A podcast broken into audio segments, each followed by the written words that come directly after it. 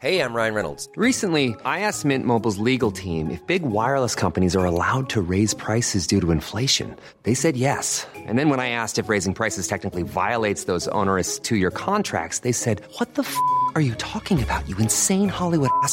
So to recap, we're cutting the price of Mint Unlimited from $30 a month to just $15 a month. Give it a try at mintmobile.com slash switch. $45 upfront for three months plus taxes and fees. Promo rate for new customers for limited time. Unlimited more than 40 gigabytes per month. Slows. Full terms at mintmobile.com. Hey, it's Ryan Reynolds, and I'm here with Keith, co star of my upcoming film, If, only in theaters, May 17th. Do you want to tell people the big news? All right, I'll do it. Sign up now and you'll get unlimited for $15 a month in six months of Paramount Plus Essential Plan on us. mintmobile.com slash switch. Upfront payment of $45 equivalent to $15 per month. Unlimited over 40 gigabytes per month. Face lower speeds. Videos at 480p. Active Mint customers by 531.24 get six months of Paramount Plus Essential Plan. Auto renews after six months. Offer ends May 31st, 2024. Separate Paramount Plus registration required. Terms and conditions apply if rated PG.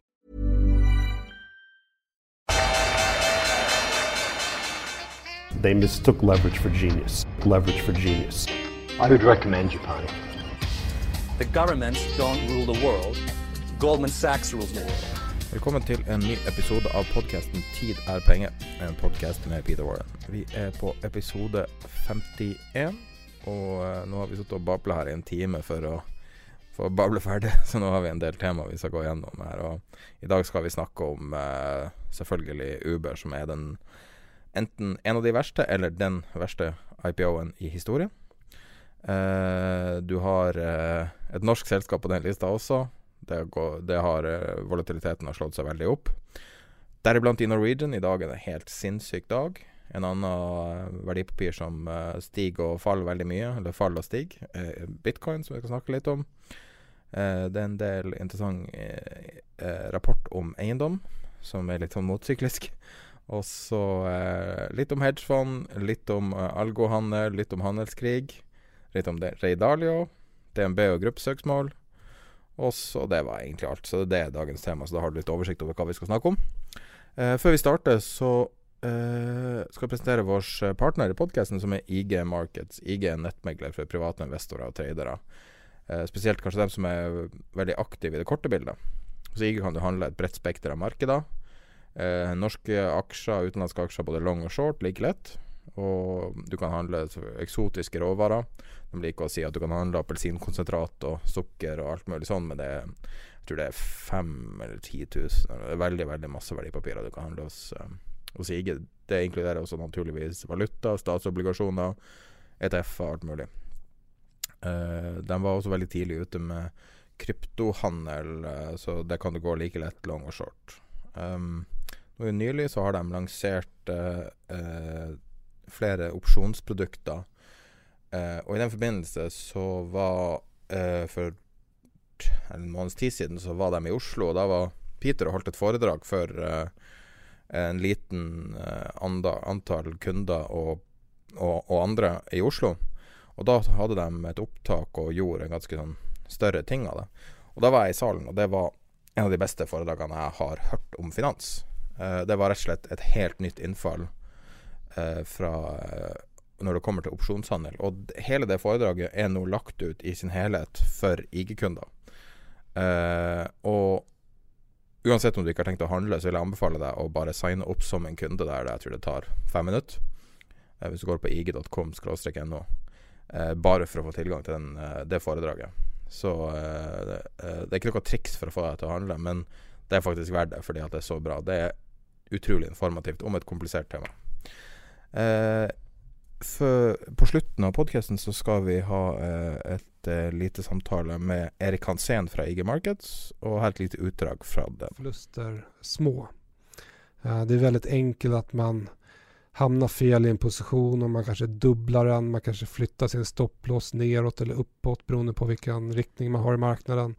Eh, Och att man blandar in sina, sina känslor i sin handel och tar irrationella beslut. Uh. Da er vi i gang med dagens episode. Uh, jeg satt og fulgte Uber-IPO-en direkte. Du var ikke fullt så interessert i den da. Um, en av de verste, kanskje den verste IPO-en noensinne. Ned eh, Var det 7% rundt der? Ja, nærmere 7.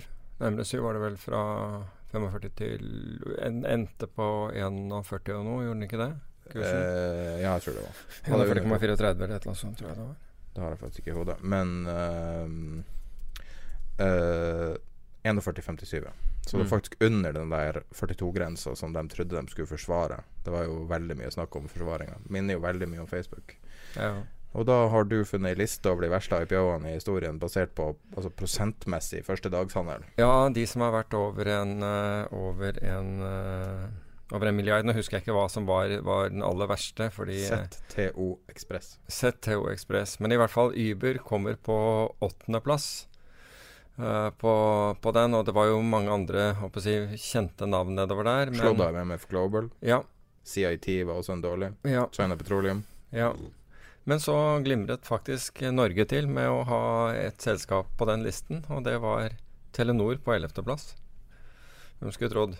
Så um, Nei det var jo ikke noe suksess, men rett før vi begynte, så sa vel du at dette er å Hva var det du sa at det var å Silicon Valley å slå igjen døra og slå av lyset? Nei, vi satt jo og snakka og, og som sagt babla i en time før vi starta. Og min oppsummering av hele greia er at døra, altså Uber lukker døra bak seg. De viser nå at de må ned på verdsettelser helt tilbake til sin forrige runde, som var 75 milliarder verdsettelse. Men det, det er jo interessant at når vi da har noen børser, i hvert fall hvis du ser på USA, i rekordterritorium, ikke nå lenger, men i hvert fall var det, eh, for bare dager siden egentlig, i hvert fall børsdager, eh, så, så Altså, det er jo Jeg forstår private equity og andre, og at nå, nå er tiden for å velte ut selskaper. Altså få de For normalt sett, tradisjonelt sett, så har jo dette vært en god tid å, å sende nye, nye selskaper ut i, eh, ut, ut i markedet. Vet du hvordan Uber gjør det i forhandelen? Nei. Da jeg tok skjermbildet. 6,85% nå. Oh, wow. Oh, wow. Det her er en Ja. fullblods. Altså. Ja, men, men altså, poenget her er at altså, Jeg vil jo også si at det på en måte er en katastrofe, men det forteller jo at det underliggende Altså, markedet er ikke villig til å prise vyer og forventninger på samme måte som det vanligvis gjør i, i et bull market. Et ordentlig bull market, ikke sant? Altså, vi trenger ikke å gå bare ta, ta IT-boblen, men Normalt sett så, så prises da disse momentum-aksjene, ikke sant, det du tror du skal, skal stige, som har høy gjeld, lite egenkapital, uh, og eh, taper penger, men har kjempevyer. Under, under, under kraftige oppgangsmarkeder så har de uh, Altså når man har kommet ut med de selskapene, så har det gått kjempebra. Og her, her har vi da først Lyft, og nå Uber, som gjør det motsatte. Vi, så det forteller jo For det første forteller det at folk er ute etter inntjening. Altså De gidder ikke å høre på, på fremtidsvyer i øyeblikket. Det, det tør man ikke å høre på. Og det er jo det samme som man egentlig stiller spørsmål ved sentralbankene. Fordi alle tror at det fins en, en salgsopsjon at, at alle investorer eier en salgsopsjon som, som, uh, som uh, går ut på at sentralbankene redder dem hvis, uh, hvis ting begynner å gå nedover. Og, kan, og dette, er jo, dette er jo på en måte en mistillit til den ideen at, at uh, mannen i gatens penger, fordi det er, det er samfunnets midler, skal benyttes til å, til å redde spekulanter. Dette er en ren Jeg oppfatter dette som en, en stor mistillit til den, til den tanken. Så det er signifikant. Sånn, man har jo en del sånne måte, øyeblikk som er veldig sånn tydelig Du har når et selskap bygger et stort hovedkontor, så har det ofte en tendens til å være absolutt det historiske toppen til det selskapet. Okay. Ref. Ref. Apple sitt hovedkontor i, i fjor, Mhm. som ser ut som en ufo. Sikkert se, kan sikkert se den fra verdensrommet. um, et helt sånn sensasjonelt dyrt, fantastisk bygg. Mm. Og det har mange sagt, ja, da er det toppen for Apple. Og så har du børsnotering av veldig store selskaper, kanskje litt tvilsomme selskaper. Bruker å signalisere noe om markedet. Du så jo Softbank. Altså, den faller jo nå bl.a. pga. Uber. Softbank hadde jo tenkt å hente inn penger. Jeg tror ikke de har, de, de har stoppet det. De, nei, det er i hvert fall ikke som jeg har sett, men, men du kan si at nå med, det som skjer nå, så vil jeg nok tro at de tenker seg om. Um, og softbank-kursen har jo også falt som følge av dette. Så, um, så, så, dette sprer seg på en måte, og kanskje går vi tilbake altså kanskje går vi tilbake til god, gammeldags økonomi, hvor du faktisk må ha inntjening for at man er, skal være villig til å betale for det. Altså jeg tror at altså, Se på Uber og for så vidt Lyft også, men, men de, det er en form for disrupsjon, og alle snakker om disrupsjon om dagen. Og det skjer jo mye på den fronten. Men jeg tror det har blitt så mye av det at vi er blitt oversvømt av disrupsjon. Og alle skjønner at det kommer til å være mer og mer disrupsjon der ute. Rett og slett fordi teknologien forandrer seg så utrolig raskt. Men det er nå grenser tydeligvis for hva folk er villige til å, å betale for det. Og jeg ser bl.a. Altså på, på, sånn, på, på LinkedIn hvor mange som har prosjekter som de trenger å få fundet. Og jeg snakker ikke om, om kun nordmenn. Det er det er du Innboksen din er full.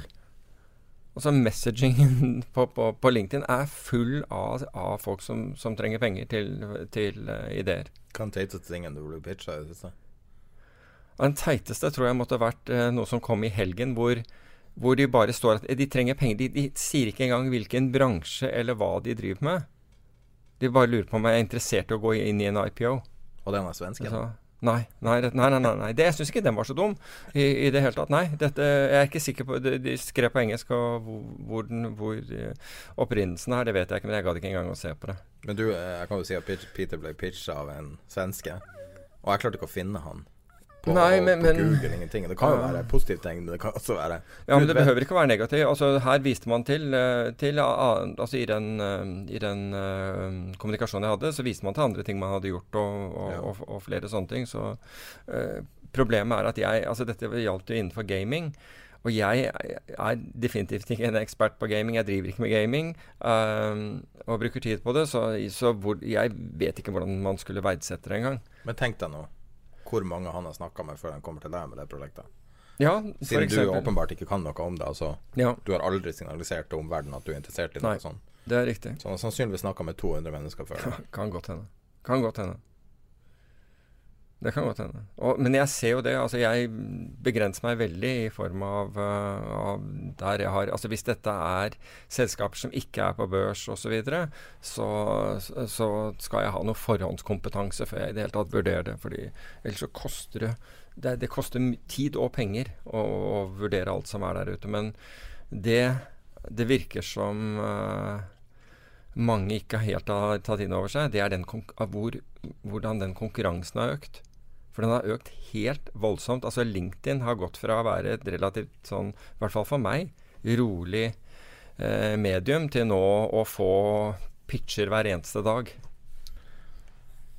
Uber, altså Morgan Stanley-kunder ble pitcha å kjøpe Uber i 2016 for 48,77 per aksje. Mm. Akkurat nå det er 2016, det er tre år siden. Mm. Akkurat nå er Uber prisa til 38,45. 10 dollar under. Det er jo tett på 25% under. Ja, det er penger. Og det her er jo de aller, aller beste kundene til Morgan Stanley. Mm. Det her er jo de, de, du virkelig har hørt om. Hva tenker deg dem med piss ja. Men, men altså, jeg tror mer at dette her signaliserer et, uh, et taktskifte som, som, som, faktisk ikke engang investeringsbankene, som er de som har mest øre til bakken, vil jeg tro, har klart å, å, å få med seg. Ellers har de bare håpet at det, det, var, det, det skulle være mulig å, å, få presset ut ting. Men, men, private equity driver med det samme. De prøver å presse ut ting, og det skjønner jeg godt. Men jeg tipper at de også kommer til å pull a lot of the flow tilbake fra markedet nå. For dette her er ikke, er ikke noe uh, Her må du bare vente. Dette er liksom litt som når 2008 først skjedde. Det var, det var ikke noe vits i å komme ut med Altså ingenting vil bli priset særlig høyt. Jeg syns synd Jeg kjenner jo folk som har uh, aksjer i store uh, sånne unicorns, mm. som alle hadde planlagt å børsnotere. Og jeg kan tenke meg at de sitter med hodet i hendene nå. For der har du så mye urealiserte gevinster. Hva tenker deg de milliardene alle de folkene har jobba billig for i årevis pga. opsjoner? Ja. Og så sitter du der og så kanskje jobba i ti år. Ja. Tenk deg, Spotify brukte elleve år på å børsnoteres. Mm. før eh, de ansatte kunne gjøre noe med dem. Ja. det Mens vi er inne på Spotify, bør vi jo kanskje nevne at uh, vi er tilgjengelige på, på, Spotify. Ja, det tok lang tid. Det er, det er ikke så lett å, å bli uh, å, å, å, få podkast på Spotify. Og det som er artig, er at um, vi har, hatt ca. en måned vært tilgjengelig. Så hvis du bare søker på Peter Warren eller Tid er penger på Spotify, så kan du få varsler der. Og på én måned så har det blitt den nest største plattformen som hører på podkast. Altså den soleklart største er alt fra Apple. Mm. Uh, iTunes. Men uh, uh, og, og, det vokser hver dag med noen promille, liksom. Og, og det vil jeg si, altså. Ba, bare basert på det, så er det interessant, utrolig interessant det Spotify gjør med å vinkle helt mot podkaster. Mm. For de har virkelig mulighet til å, til å snu det. Altså virkelig lage store verdier i det markedet og spare store summer sjøl. Så det, jeg trekker det hver dag. Liksom. Folk som kommer inn via Spotify, og det er veldig artig å se at at det, at det åpnes opp. For man har jo venta på at podkaster skal bli noe seriøst. Det er jo fortsatt et mikroskopisk marked. Men uh, hører du på podkast? Ja, men, uh, men, men, selektivt. Altså, jeg hører mye på lydbøker. Uh, mindre grad på, på, på podkast. I løpet av en uke så hører jeg på noen, definitivt noen, uh, noen podkaster. Hvem vil du hører på? Nei, det er ikke noen du abonnerer på? Uh, jo, jeg gjør det, men uh, jeg, jeg, måtte se på appen. Nei, vi, vi, kan, vi, kan, legge det ut etterpå, når, ja. jeg, når, jeg, får sett hva de forskjellige heter. Jeg tror, jeg tror Mark Zuckerberg har fått den. Jeg, har ikke hørt på. Nei, den, den, har jeg ikke hørt selv heller. Nei, men også altså, jeg er mer nerd, altså jeg er ganske sånn nerdete på, på, på temaet, må jeg innrømme. Så det holder ikke med at Altså, det er ikke bare en sånn generell stream av noe, men jeg er ganske nerdete. Når man sier Norge, så er det veldig mye vitsmakere og mye babbel. Nå babler jo i hvert fall jeg av og til. jo, men altså, hvis de er vitsemakere, så er det, jo, eh, eh, det er jo en sjanger, det, ikke sant? Altså, ja. så, og det er jo greit nok. Da er, du, er du, da er, det derfor du hører på dem. Eh, eh, vi skal si noe mer om, eh, om Uber, så er det vel kanskje det at eh, Om man skal si at de her 29 eller 30 bankene som jobber med plasseringen og at Citadel var, hmm. var, kjørte boka deres, så klarte nesten ikke å åpne aksjen, for de klarte ikke å matche kjapt nok. Store volum. Og så når du fikk de første ja. kvotene at det var ned, eller det var flatt, eh, så altså er det litt sånn symptomatisk at man bare må, alt må til for å få det her ut. Man kan jo si at det er jo positivt for Uber det at de klarte å selge seg så dyrt. At de fikk mest mulig penger ut av markedet. Ja, men, men samtidig, altså Citadel eh, Eh, de markedsførte jo dette her ganske kraftig også, og han, eh, han som ledet det hos Citadel, liksom, uh, han ville virkelig forstå dette her. og det, altså de om det, altså, Gud forby hvis man ikke hadde gjort det. Og allikevel altså Citadel, Citadel må vel ha den største markedsandelen på New York Stock Exchange, tror jeg. Gjennom sine crossing networks og market, altså elektronisk marketmaking. Jeg tror ikke det er noen som er større enn dem. Ja, I hvert fall hvis du krysser alle børser, skal jeg tro. Ja, men, men altså når ikke Citadel altså, Du kan tenke deg hvilken, hvilke outlets Citadel har.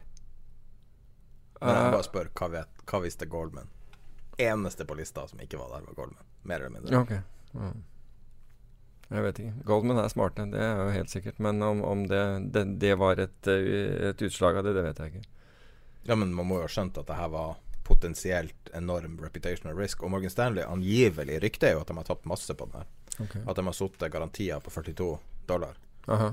At det har vært sånn At du ikke skulle bryte det og så så lang tid. At de har en sånn her deal som en del av dealen, da. Mm. At de skal forsvare kursen. For det var det samme skjedde jo med Facebook. Det høres så, vondt ut. Det høres veldig vondt ut. Det var snakk om titalls millioner dollar de tapte. Ja, det vil jeg jo tro. Det vil jeg jo tro. I hvert fall når du ser hvor det er i øyeblikket.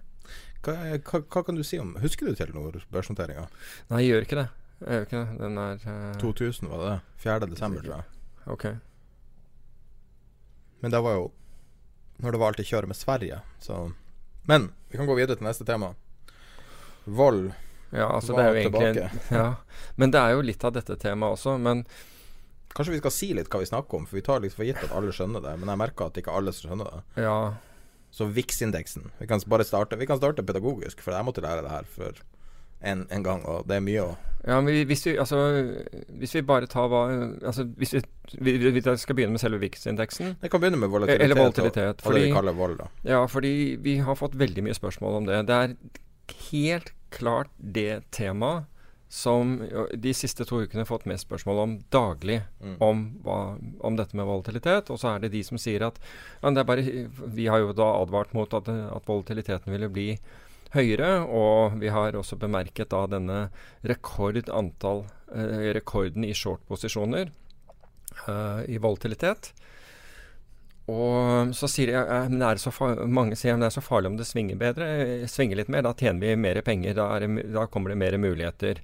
Ja, du kan se det på den måten også, men la meg da forsøke å sånn pedagogisk forklare volatilitet. Altså volatilitet altså med andre ord svingninger, og svingninger og usikkerhet er det samme. Altså det mer det svinger, det mer usikre er vi på hva, hvor kursen vil være et gitt tid, i, gitt tid i fremtiden.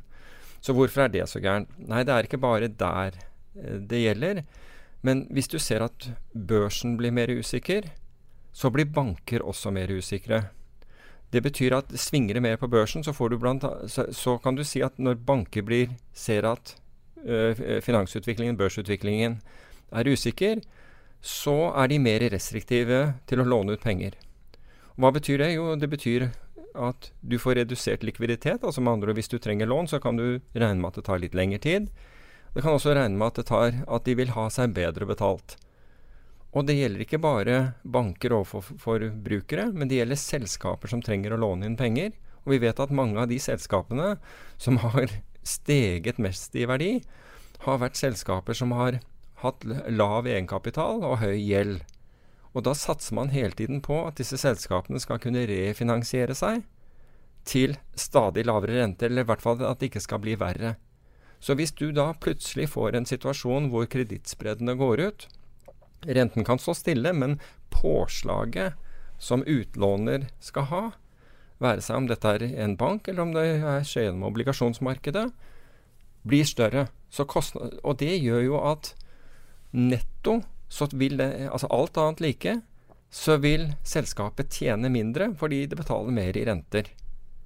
Så det er vel det man kaller risikopåslaget? Risikopåslaget, helt riktig. Så renta riktig. består av Nibor, det det koster å låne i markedet, og så har du eh, kanskje fortjenesten deres og risikopåslaget, ja. skulle man tro.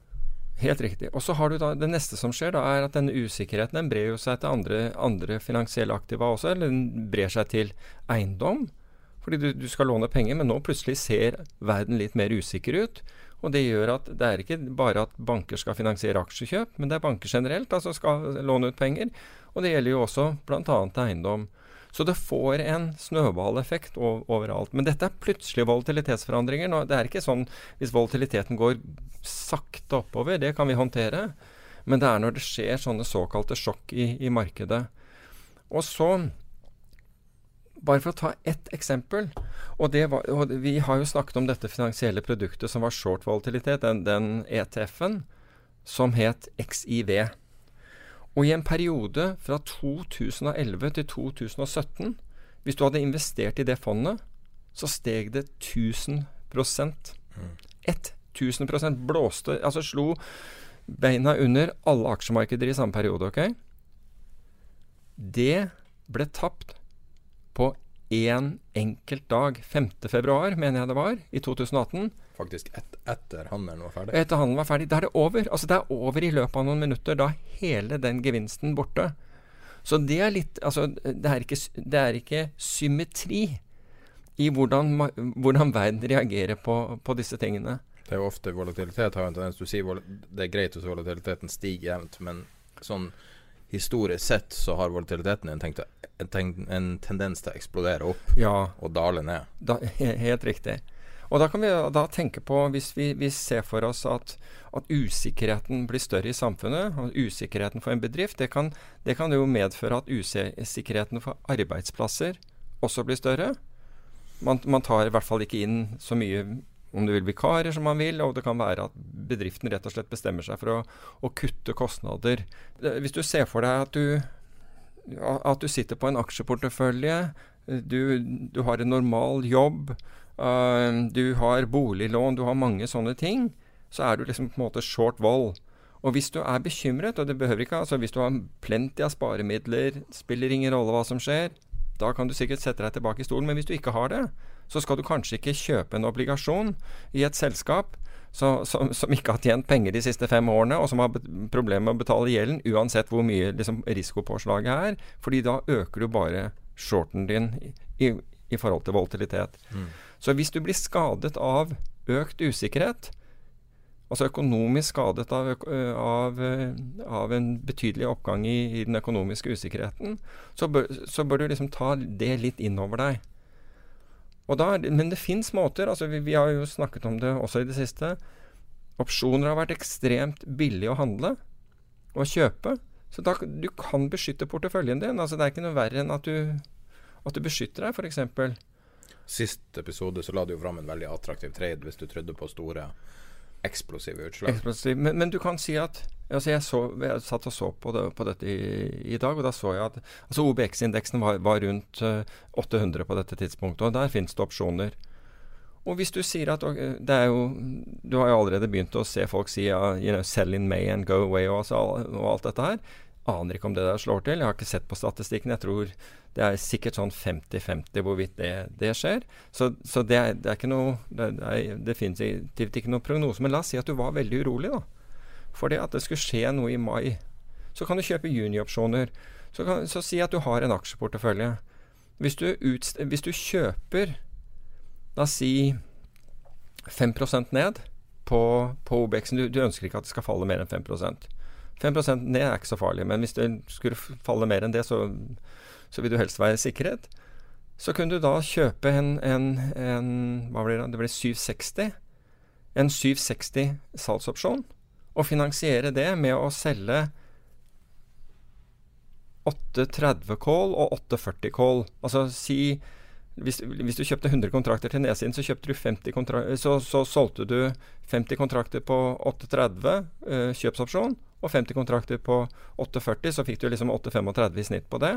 Og det ble betaler omtrent for den premien som den andre hadde. Så, det, så du kan si at markedet må falle 5% men så hva, hva er det verste som kan skje? Jo, markedet stiger videre. Da må markedet stige over 4,25% fra nå. Og så Her snakker vi om et marked som er opp nesten 9% så da har du 13 i, i, første kvartal på, eller unnskyld, første halvår. Det må jo være en fantastisk avkastning uansett. Og da blir du sittende på aksjeporteføljen din og hele greia. Du sitter i, men du er cappet der sånn. Så det er det verste som skjer. Hvis markedet faller ned igjen, hvis markedet faller mer enn en 5 så er du fullstendig beskyttet. Og hvis det er mindre svingninger, altså vi befinner oss pluss-minus uh, 4-5% fra, fra dette nivået, så har du hatt beskyttelse. Så det er ting du kan gjøre ikke sant, for å beskytte pengene dine istedenfor Vi kjøper forsikring. Ja, du, ja, og her i dette tilfellet så finansierer du den da ved å, ved å, ved å få en mindre oppside. På det er jo blitt dyrere med forsikring, men fortsatt innenfor rimelighetens grenser. Nå ser jeg Ja, men her, får du også, her, her selger du også opsjoner, så ja. hvis volatiliteten går opp, så Du kjøper og selger samme marked, ja. sånn sett. Ja. Men uh, du sier at hvis folk har mye sparemidler Jeg, jeg tror det finnes nesten ikke et menneske i Norge med mye penger på konto. Altså selv, selv folk som er bok, altså bokført rik, mm. har ikke mye, ikke mye likvid. Altså. Og det har vi jo sett på de minste lille nedturene. Så folk som er verdt hundrevis av millioner, er wiped out på Ja, vi så noen skremmende eksempler på det. Jeg tror det var i fjor sommer. Og det var jo folk som plutselig måtte, måtte selge eiendeler på, på, virkelig på billigsalg. Mm. Fordi eh, men det var folk som hadde investert i typisk illikvide aksjer. OTC-type aksjer og aksjer som ikke handles mye. Men jeg tenker på Jeg kjenner en som skal selge bolig og ikke kjøpe ny. Mm. tenker jeg eh, kanskje en god idé. Så begynte jeg å tenke litt mer tradisjonelt på det. Hvis han da skal kjøpe igjen senere, og hvis man da tar utgangspunkt i at markedet skal falle, som er sånn klassisk prøve å time en topp, helt umulig å gjøre, men mm. veldig mange prøver å gjøre det. Ikke kjøpe ny bolig. Og hvis det her slår ut, så er det ikke sikkert du får nytt lån, fordi at risikoprofilen til banken har forandret seg totalt. Kan. Kan, men hvis det, hvis det er god sikkerhet altså Jeg tror akkurat boliglån Altså De vil låne deg penger til bolig, men det kan hende at uh, altså, da skal det være ganske mørkt. Tror jeg hvis, hvis uh, jeg du skal stenge Jeg husker 2003, altså. Altså, jeg har vært gjennom uh, krise i boligmarkedet selv, og det var, var svært ubehagelig, men Jeg tenker på hvis det skjer så Altså sånn at man blir Altså På en måte er det veldig dumt å sitte med veldig store Altså veldig store krav, altså eiendommer du har kjøpt for titalls millioner. Mm. Uh, og så sitter du med det, og så, og så kommer Altså så blir, får du skikkelig haircut på markedet. Men samtidig så har de jo asseten. Ja. Uh, så det, det, er, det, er, ikke noe sånn veldig bra uh, løsninger Nei, altså det eneste er at Begge to, egentlig. Nei, altså det eneste er jo at norske uh, boliglån er jo, er jo annerledes enn en, en amerikanske. Det er ikke sånn at de kan Altså I amerikanske kan du bare gå fra lånet. Hvis verdien av boligen faller under låneverdien din, så kan du jo bare si takk og farvel.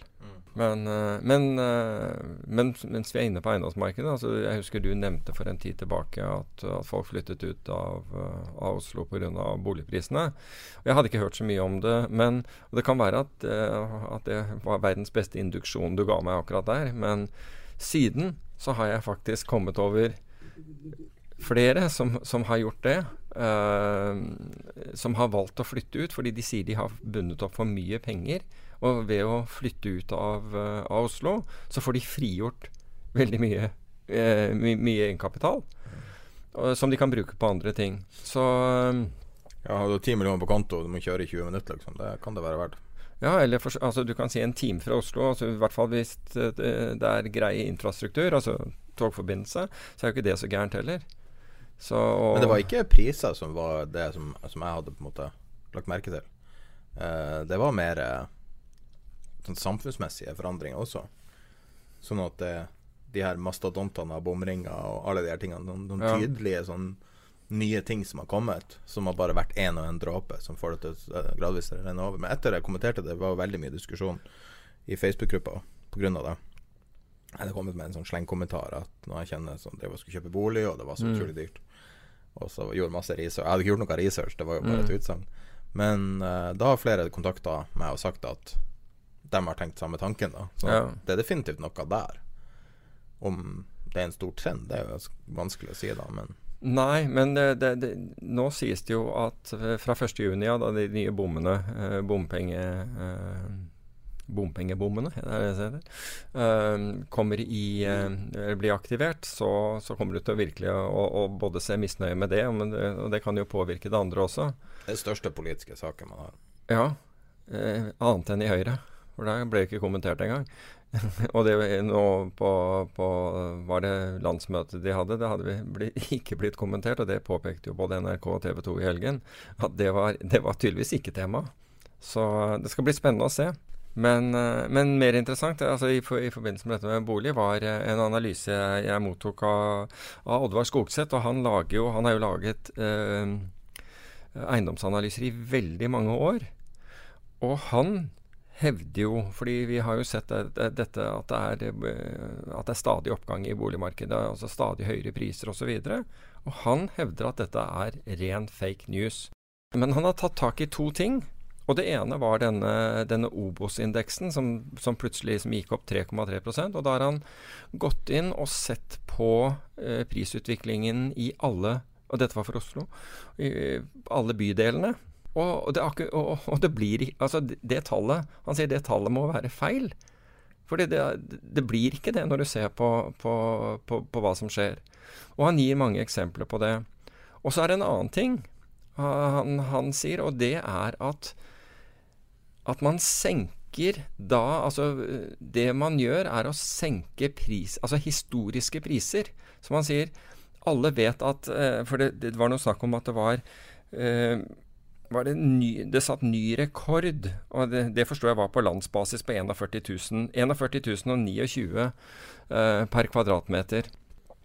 Og dette var, dette var, fremmet som en ny rekord. Ny, dette var Eiendom Norge. Feil, for vi har hatt høyere priser tidligere. Det som har skjedd, er at man har senket de historiske prisene. Og som han også sier det, da vil jo alltid være en ny all time high. Så han stiller, og, og, jeg vet andre har gjort det samme, fordi det er før det, og det har vært lang tid. Ja, nabo, ja. Vi har nevnt naboen mange ja. ganger. Den er solgt nå. nå ja. Tok fem måneder, tror jeg. Tok fem måneder før, før naboen din fikk solgt. Så det er liksom ikke helt Det er ikke som dette er en ren enkildesak. Men det kan kanskje være verdt å sette seg frem i stolene og, og, og kikke på disse tallene en gang til. Når, når, når, du, når de kommer utover uh, Når media da opplyser at nå har det gått kraftig opp igjen osv. Det er klart at hvis du manipulerer grunnlaget for disse tallene, som han sier vi har hatt, det. 2018 var prisen i mai det, altså. Nei, 2018, november 2018 var prisen i mai samme år oppgitt til, øh, oppgitt til 42 000. Ikke sant? Og det er klart at hvis man jukser, hvis dette er, er juks, så, så forstår jeg at uh, Men i hvert fall øh, Vi får be han legge ut rapporten i gruppa. Ja, ja, jeg-.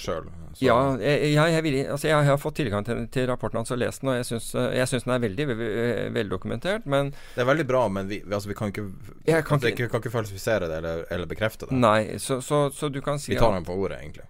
Vi tar ham på ordet, men han har gjort, han har gjort mye grundig research her, og du kan, du kan etterprøve eh, helt klart de tingene han, eh, han hevder. Det vil ikke være vanskelig, for han gir detalj hvorfor han mener det han mener.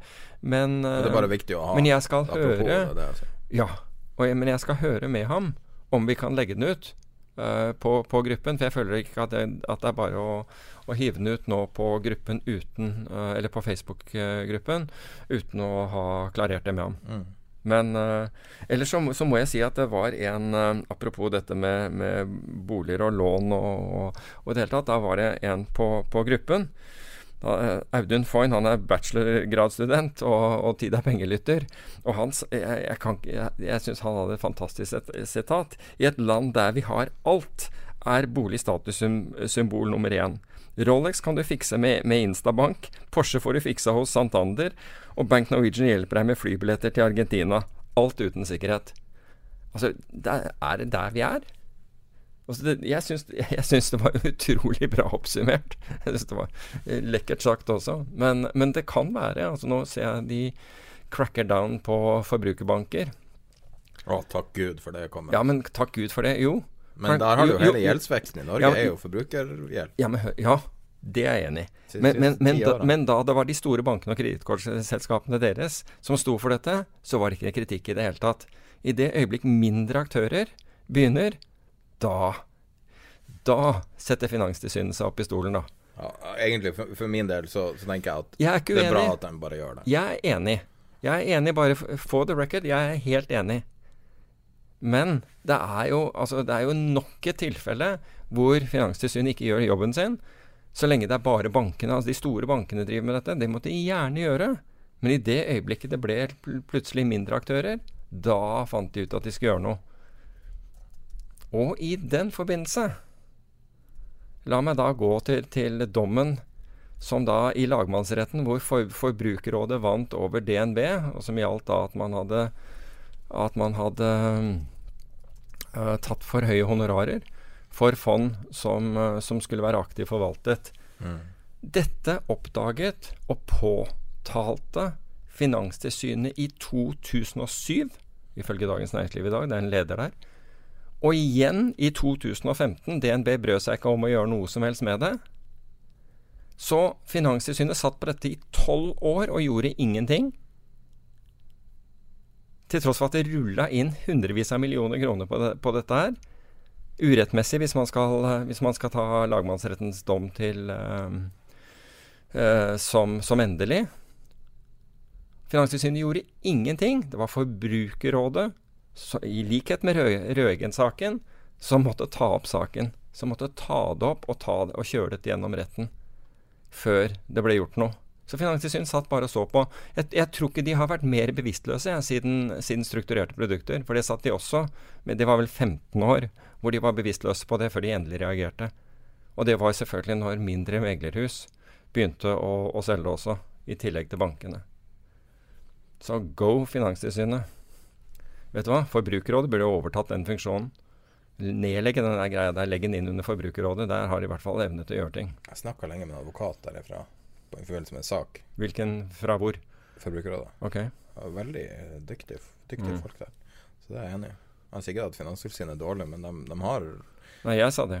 De har vært eh, fraværende eh, i en ganske stor grad. Altså. Ja, men, altså når de klarer altså Når de selv gjør undersøkelser i 2007 og finner ut det Uberen er det- 8 Hva? Uberen er 8 Wow.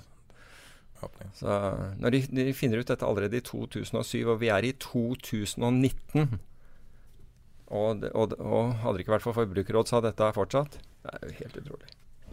Det er bortkasta tid, altså.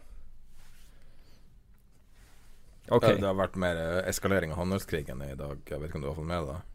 Ja, ikke annet enn at jeg så at eh, Donald Trump nå har truet kineserne til, og, og sagt at de, de bør ikke re retaliere. Ja, det har de gjort. 60 millioner dollar worth of US goods for tariffer.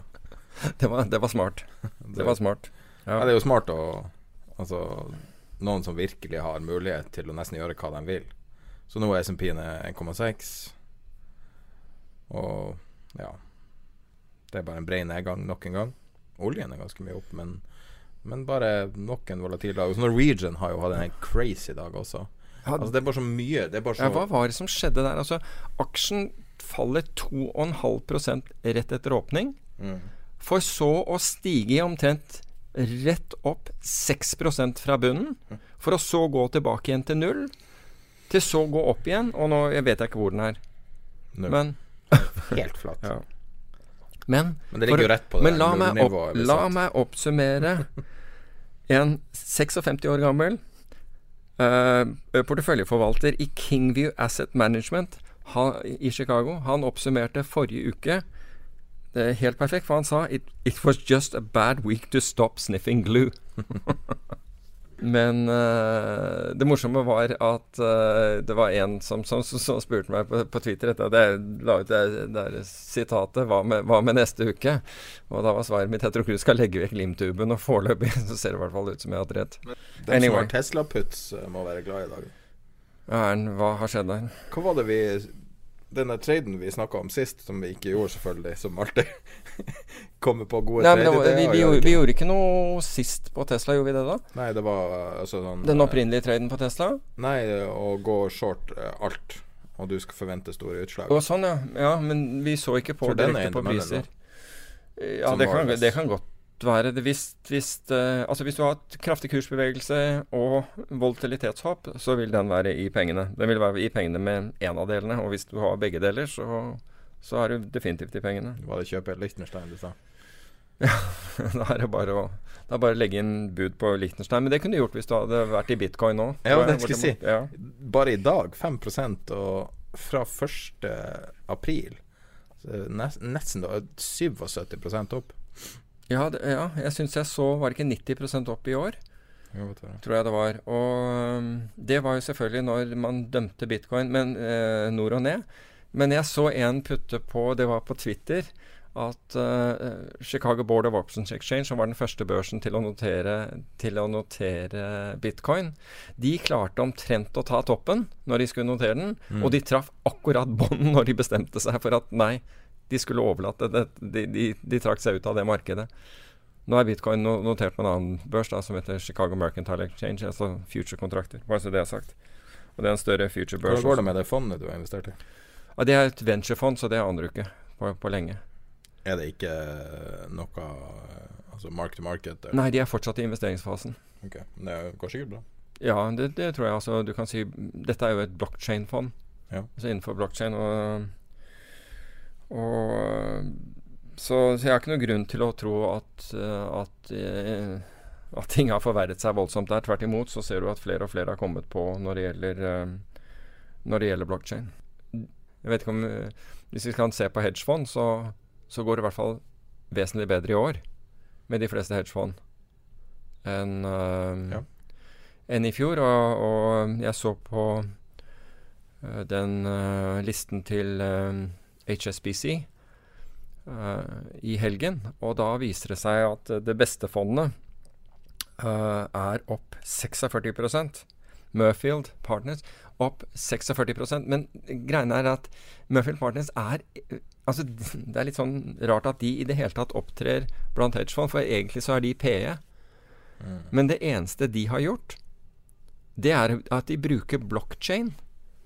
Slik at det er mye lettere, hevder de selv, det er mye lettere å investere i dem, og de, de får en helt annen likviditet gjennom at de har brukt blockchain. Jeg vet ikke om dette altså, Det er i hvert fall det de, de sier, men de er opp 46% i år Men den mer interessante her Eller det er to andre ting som er interessant. Den ene er Lynx, som, det svenske Lynx, som har liksom tatt penger i mange år nå.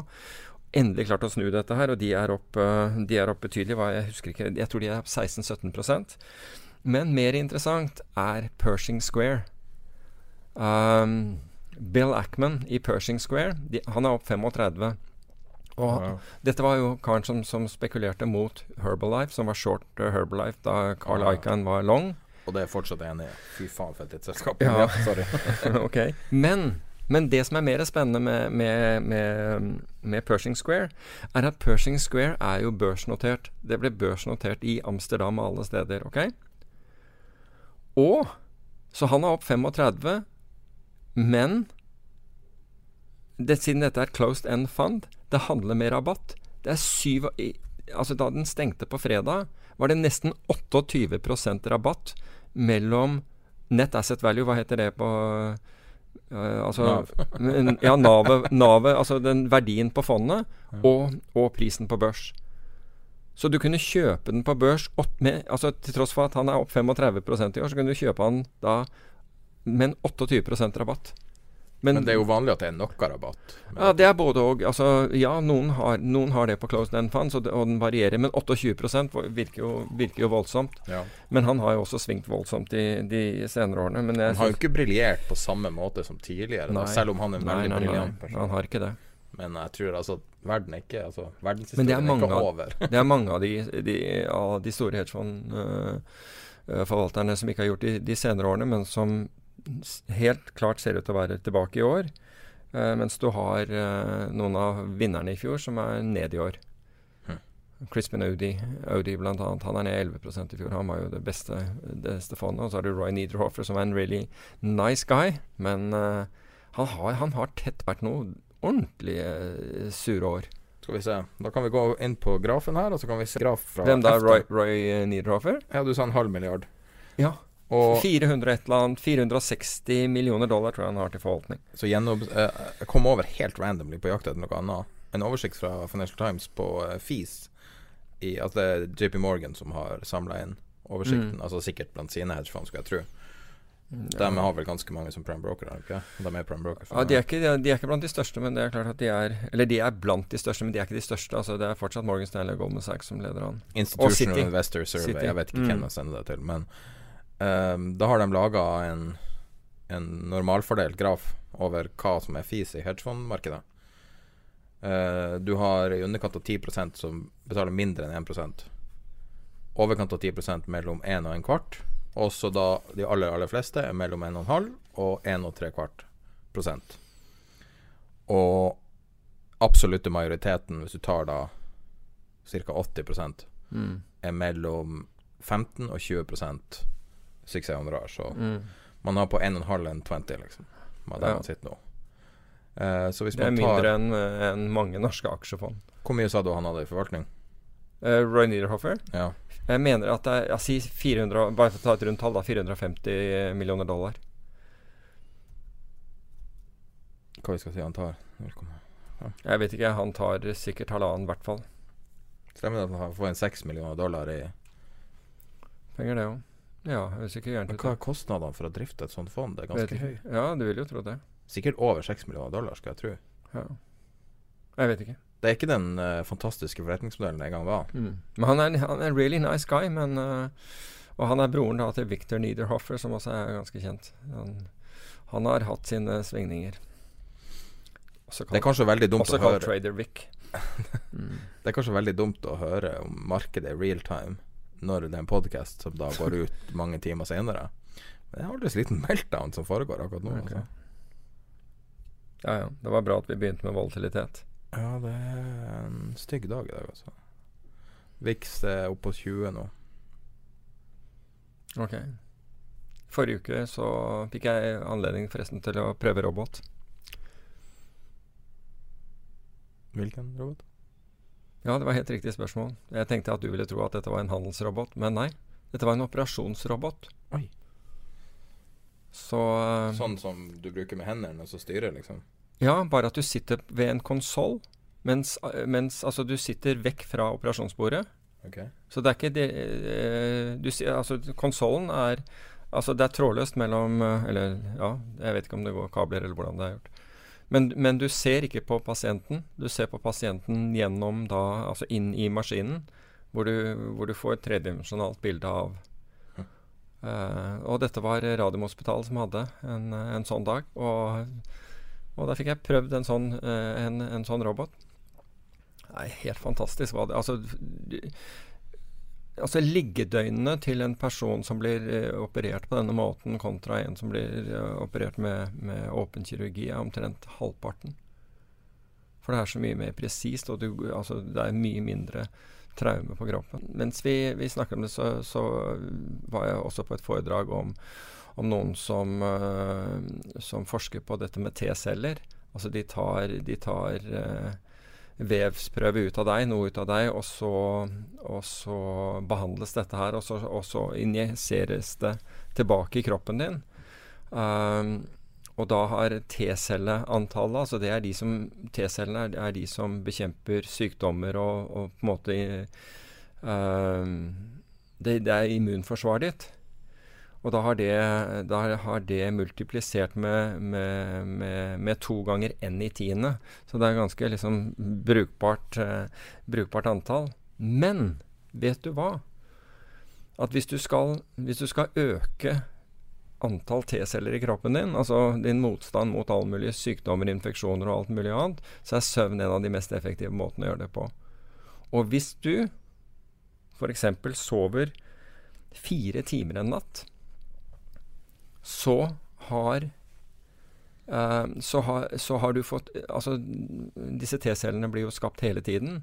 Det har blitt redusert altså Det blir da, hvis du sover kun fire timer om med 70% Så du kan si at alt som skal da skje, er at noen nyser i andre enden av, eh, av eh, bussen din, og så er du forkjøla en uke.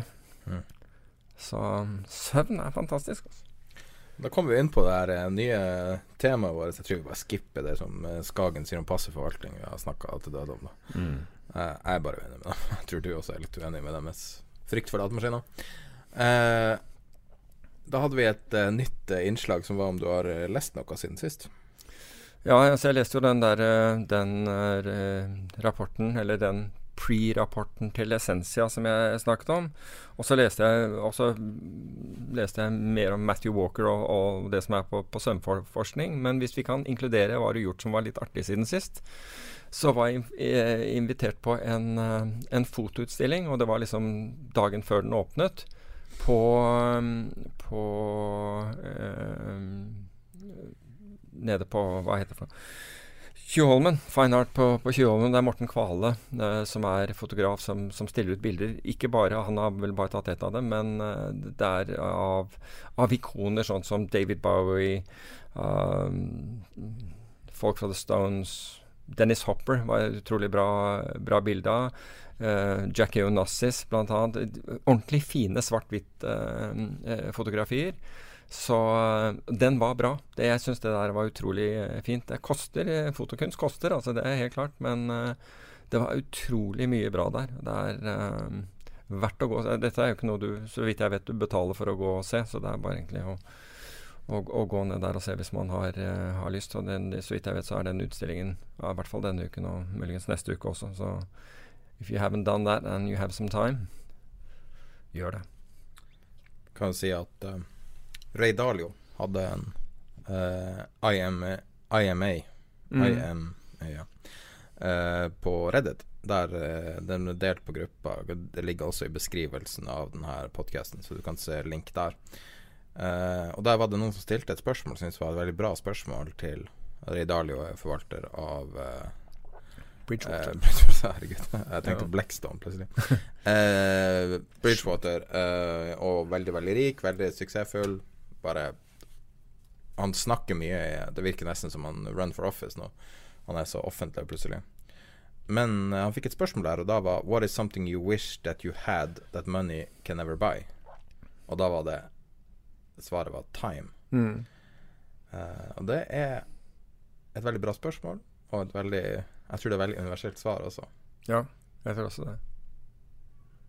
Men eh, Jeg tror mange hører på denne podkasten fordi at de har lyst til å bli rik. Eh, jeg tror det er det som gjør at du leser Finansavisen. Jeg tror det er det som gjør at du At du bryr deg om finans innerst inne. Så tror jeg det er Og så tror jeg når folk graviterer mot deg, så begynner det å forandre seg litt. Men du starter med et ønske om å bli rik. Ja, muligens, men, men uh, Men jeg, altså, tror du ikke det også har med forståelse av ting å gjøre? Fordi jeg, jeg tenker jo at Jeg tror det utvikler seg til det. Men jeg tror det starter med et ønske om å bli rik. Mulig, men, men, men, men kanskje. Men hvis du la oss si du putter penger i noe, og så du, du egentlig visste ikke hvor, hvorfor du gjorde det, men du, du, fikk en mulighet til å putte penger i et eller annet. Og så, så gikk det veldig bra. La oss si at det doblet seg. Og så får du pengene dine tilbake og tenker wow, det var jo kjempebra. Hva har du nå? Jo, du har, du har doblet den kapitalen, men du har jo ikke økt kunnskap whatsoever. Så Og jeg tror at mange har behov for Altså Det du ønsker å gjøre altså Det aller beste hadde jo selvfølgelig vært at du doblet pengene dine, men også hadde fått en del kunnskap om hvordan kan jeg gjøre dette igjen? Altså hva skal til? Hvilke kriterier var det jeg la til grunn her? Og gjelder disse videre? Kan jeg, kan jeg nå finne en, en, en, ny måte å gjøre det på? Så jeg tror at det er vel så mye det at folk ønsker å, å forstå. Mm. Uh, få en idé om hvordan ting virker enn bare blindt liksom bli rik. Altså Det høres jo veldig be behagelig ut hvis du kunne bare putte penger på en automat og bli rik. Um, altså Når du hører folk som har mye penger, og du får liksom Ja, hvordan er det å være rik? Og, og da, universelt, så har svaret som jeg har hørt, har alltid vært det samme. Med unntak av én kar som drev med sånn pyramide, pyramidegreier. Men eh, svaret er alltid det samme, at det løser ikke så mye problemer som du tror. Det skaper masse nye problemer, og det er ikke så viktig. Det er veldig veldig viktig når du har ingenting. Ja, akkurat. Og det var akkurat det vi snakket om forrige gang. Og Kahneman var inne på det samme. Altså når du, har, når du har nok penger til at det på en måte dekker de basalbehovene du har, så Altså, det er viktig. Altså, mm. Som du sier, når man ikke har noe, så er det veldig viktig. Men når du kommer over et visst terskel, så, så, er, så er det mindre viktig, da. For noen som ikke jobber i finans. og, og sånn, men altså, jeg sier ikke at ikke du finner disse i andre, i andre walks of life også. Det ja, finans er for pesta med det, altså. Det er jo det. Ja, altså, Let's face it. Det er jo, men jeg, jeg, har, jeg, jo, men jeg, ja, jeg har erfaring fra liksom to yrker, og det er, det er liksom fra Forsvaret eller fra militæret og, og, fra dette. Så, jeg, så har en, jeg har jo ikke en bred idé om hvordan det er overalt. Jeg bare sier at jeg har opplevd definitivt dette i finans. Men det er jo, altså, du har fortalt meg historier fra Forsvaret som også er ganske det er ganske røffe folk der også, liksom. Ja, det, at det er røffe folk i Forsvaret, det, det Ja. Men av og til så kreves det røffe folk også i Forsvaret, dessverre. Selvfølgelig. Finans har jo forandra seg ganske mye. Eh, med, med nerdene, sånn at de her ville festene fra 90-tallet, eller du, det er jo Nerdene har vunnet? Ja. Liksom. Altså, det er i hvert fall nerdenes uh, tiår, dette her. Ja. Det er det. Og, fram til Uber. jo, men de ja, fram til, Men jo, Uber er jo for så vidt ikke et nerdeselskap. Nei, nei, nei, men nerdene gjør, altså, gjør, ting mer effektivt. De gjør ting mer presist. Ikke ja. sant? De, de, sparer kostnader, de, de, øker produktivitet. Så det skulle bare mangle, men, men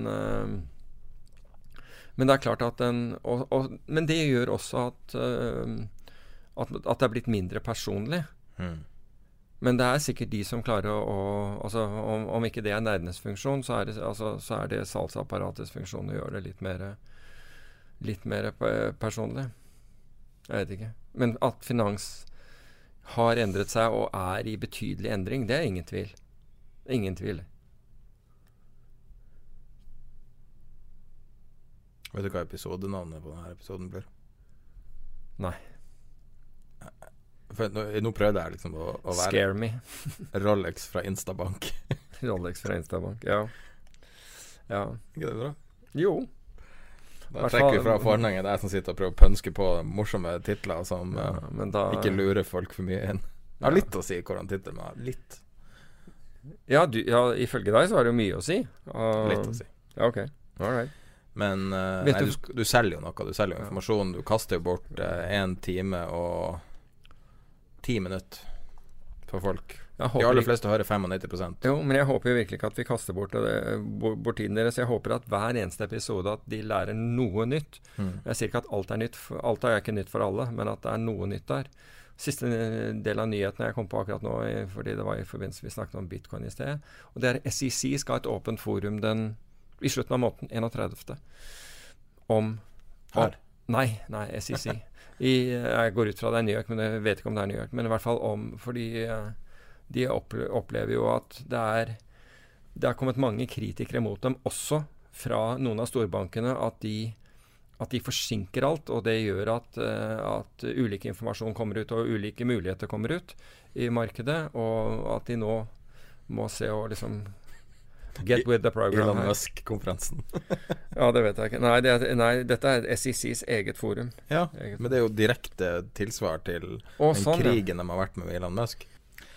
Jeg kan avslutte med Jeg kan vise deg Ramp Capital er en veldig sånn morsom uh, kar på Twitter som sitter bare som finansvitser hele tida. Her er den siste tweet nå. Ja. Do something. Og så er det en, en kar som, Ja. som står og skriker Ja. 'Oh my God' på et fotballstadion. Ja. Så det er omtrent en reaksjonen de har Altså, det her er, det her er jo en generasjon med long only. Altså folk Ja. som aldri har sett en nedtur. Ja, ja. Så 2% er fullstendig kollaps. Men vi, ja, altså det, det føles nok uh, der, men jeg, jeg er helt sikker på at mange nå stiller eh, sin, sin lit og sin, uh, sin finansielle fremtid til at Donald Trump ikke ønsker dette her og kommer til å gjøre et eller annet. Kommer til å si et eller annet, eller hva som helst. Det er når den, når han drar av med et eller annet, det er sånn, og, de, og det ikke hjelper, da Det var det jeg skulle spørre deg om. Hva skjer når han drar jokeren og sier quantitative easing, renta ned, eh, renta ned, og så skjer ingenting? Nei, Der er hermetikk og, og hagle og, Og 1000 liter vanntank. 1000 liter vanntank og, og et eller annet og, og, og adresseforandring til et eller annet sted nord for Milla. Nei, det- Men det er bra å være short Tesla. i hvert fall. det er bra å være short Tesla. Men da avslutter vi podkasten her. Nå har vi babla i Det var syv minutter babling på slutten. Eh, beklager det. Men uh, da avslutter vi episoden, og så har vi uh, en innspilt samtale med Erik Hansen fra IG Markets.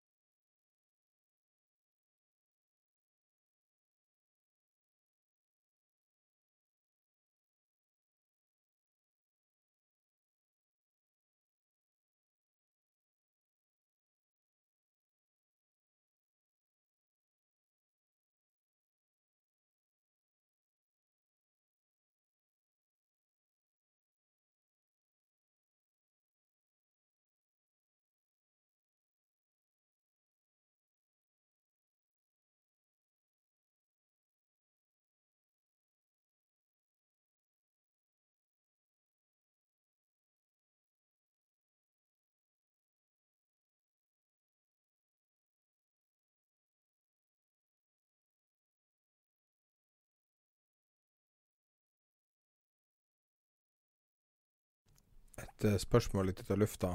Hvis man som trader uh, uh, vil lykkes, hva er det som er viktigst? Jeg tror det absolut viktigste er disciplinen. At man har en tydelig handlingsplan eh, innan man å handla. Og hele tiden vet hva man skal gjøre om positionen går åt fel håll. Eh, for, for det, det, jeg har sett eh, under mine år som jeg har holdt på med det her, og når jeg har handlet selv, så vet jeg hvor vanskelig det er at eh, att hålla sina förluster små. Eh, det är väldigt enkelt att man hamnar fel i en position och man kanske dubblar den, man kanske flyttar sin stopploss neråt eller uppåt beroende på vilken riktning man har i marknaden.